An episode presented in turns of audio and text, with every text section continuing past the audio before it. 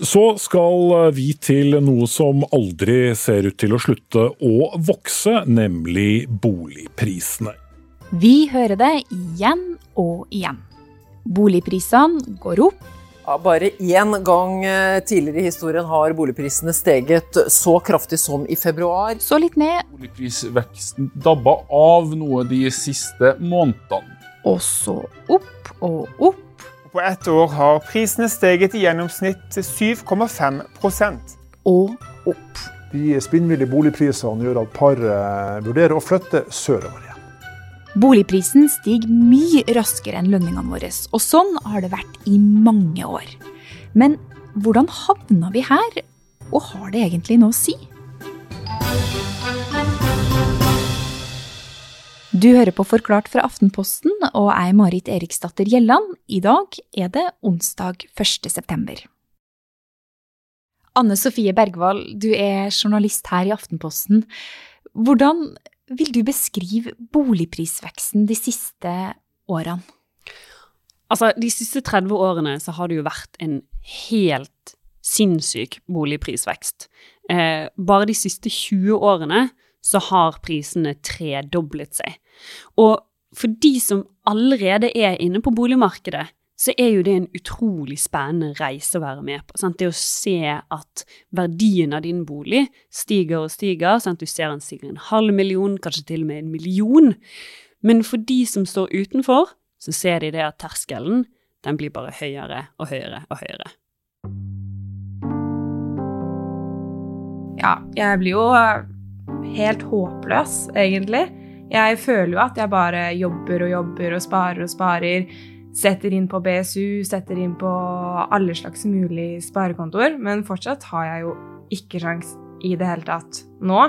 Ingrid Elida Karo Johansen er en helt vanlig 22 år gammel student med deltidsjobb her i Aftenposten. Og mora hennes, som du snart skal få høre, er en helt vanlig alenemor. Og Ingrid gjør som mange andre, nemlig drømme om en bolig. Noen ganger så kan jeg liksom dagdrømme og klikke meg litt sånn inn på Finn eller noe sånt. Eh, og så ser jeg noe som jeg kanskje hadde hatt råd til, og så ser jeg å ja, det er en garasje. så jeg har eh, kanskje så vidt råd til en garasje. Jeg tror egentlig ikke det engang. Hva, hva skal jeg gjøre, mamma? Jeg syns jo det er ganske ille, da. At uh, man skal bruke så mye tid og energi og penger på noe så elementært som det å bo. Og jeg prøver Jeg tenker jo mye på det, hvordan jeg kan hjelpe deg. Uh, men uh, jeg har liksom ikke så veldig mye å bidra med når det gjelder penger, da. Jeg husker når jeg kjøpte min første leilighet, og det var jo det var et veldig stort øyeblikk, fordi da var man voksen, man var ferdig med utdannelsen, selv om jeg bare var 23 år. Um, og den første leiligheten kjøpte jeg på Tveita, en ettroms Obos-leilighet. Og da kosta den Obos-leiligheten 80 000. Og det var fast pris. Det var ikke noe Man kunne ikke by over eller sånn som det er i dag. Og det var fantastisk utsikt, første etasje. Og den var ganske stor, faktisk. Det var vel over 40 kvadrat til å være ettroms. Sånn som hun moren her forteller, så kjøpte jo hun bolig i et statlig prisregulert borettslagsmarked. Fra krigen så hadde vi et todelt boligmarked. På den ene siden så hadde vi et fritt marked privatboliger, og på den andre siden så hadde vi et statlig regulert marked for borettslagsleiligheter. Det var det en Ap-regjering som opprettet, det systemet der, etter krigen. Og på begynnelsen av 80-tallet så kom det en høyreregjering med Kåre Willoch som statsminister, som fjernet denne her statlige prisreguleringen på borettslag-leiligheter. Eh, De sa vi vil at markedet skal styre prisene, ikke staten. Samtidig så fikk folk muligheten til å ta opp så mye lån som de ville.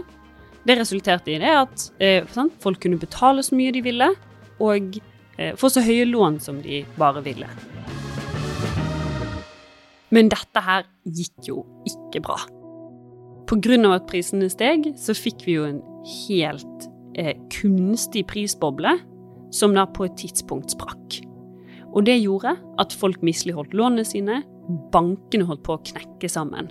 Eh, så staten måtte kjøpe opp flere norske banker. Og siden 90-tallet da, så har kurven flatet litt ut, eh, men etter sånn ca. 2000-tallet så begynner han å virkelig ta seg opp igjen.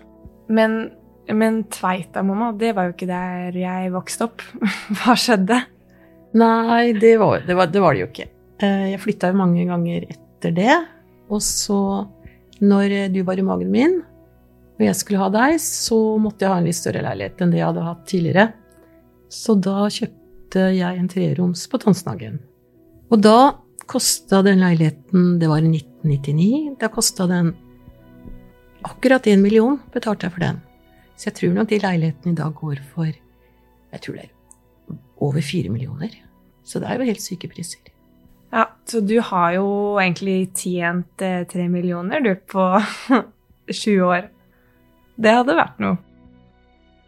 Altså, jeg skjønner jo kjempegodt det som Ingrid sier. Sant? Det føles umulig, det føles helt uoverkommelig. Sant? At hvert minutt du er utenfor boligmarkedet, så bare kjenner du at boligprisene stiger. Og det fører jo til det at det er veldig mange som ikke kommer seg inn på boligmarkedet, selv om de har en helt vanlig lønn, fordi at de ikke får tatt opp de lånene du trenger å ha for å komme inn på boligmarkedet. Men de som faktisk har fått kommet inn på boligmarkedet, sitter jo da med en kjempestor gjeld, og heller ikke det er helt uproblematisk.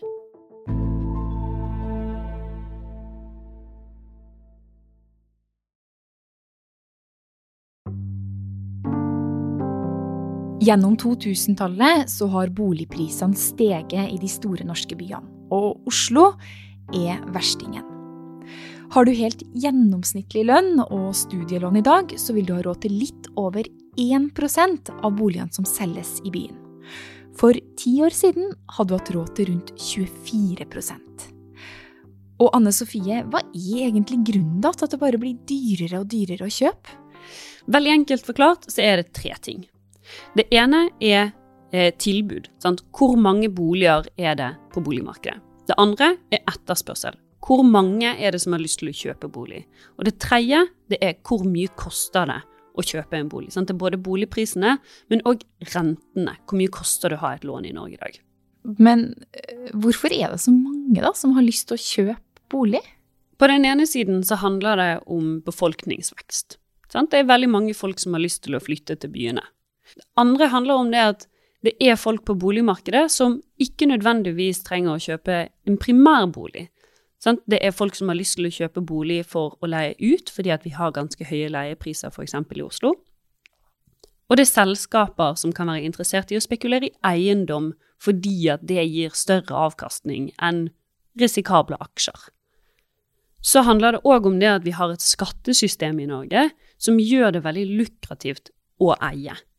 Du får f.eks. et rentefradrag eh, på skatten som gjør det at, du, at, at, staten på en måte betaler litt av lånet ditt.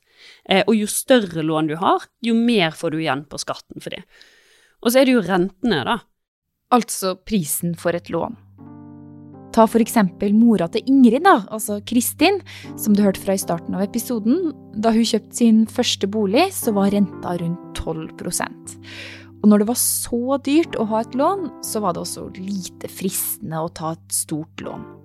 Men nå, nå er renta rekordlav, rundt 1% og det er billigere og sånn sett også lettere for folk å ta store lån for å få kjøpt leilighet. Absolutt, og ikke bare sin egen bolig, men også sekundærbolig som du leier ut, eh, og det å investere i bolig sammen med barna dine, f.eks.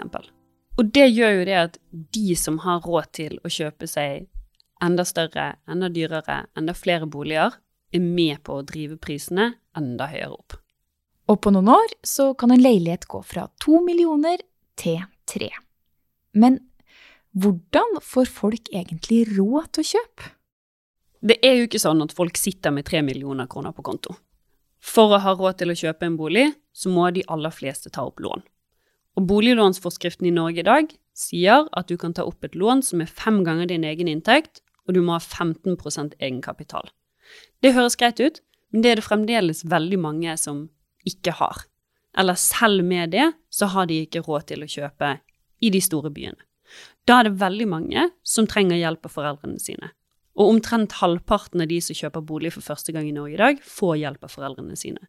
Og det her, det gjør at det blir forskjeller. Mellom dem som kommer seg inn på boligmarkedet og kan surfe på prisveksten, og de som blir stående utenfor og aldri får kjent på bølgene.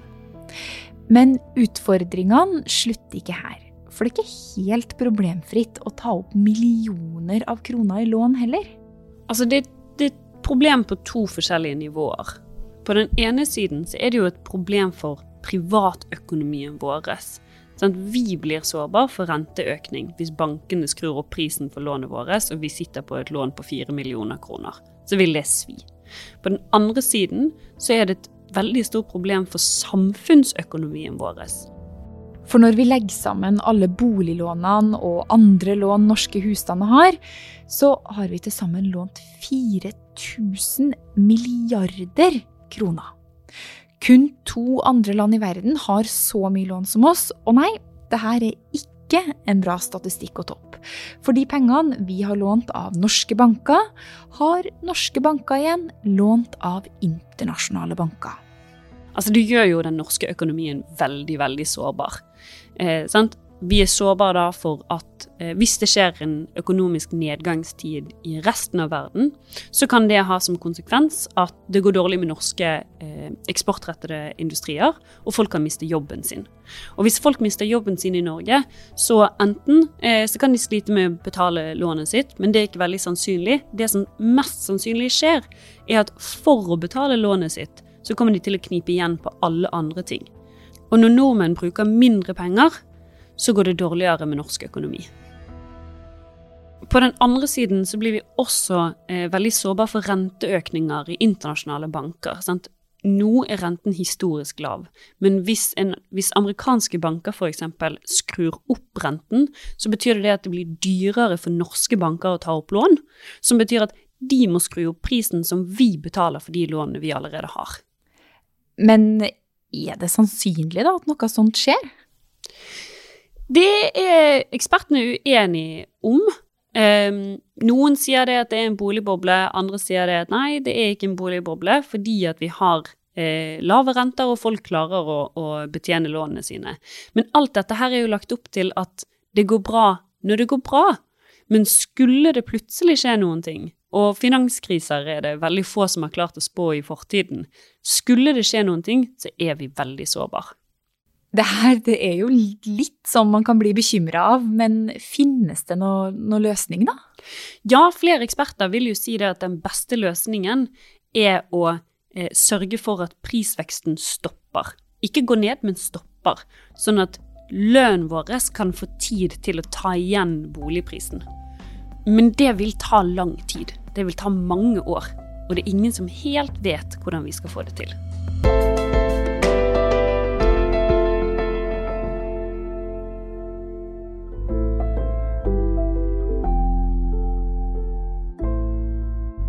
Denne episoden var laga av Peter Dotland, David Vekoni og meg, Marit Eriksdatter Gjelland. Resten av Forklart er Fride Næss Nonstad, Andreas Bakke Foss, Anne Lindholm og Guri Leiel Skedsmo. Du har hørt lyd fra NRK.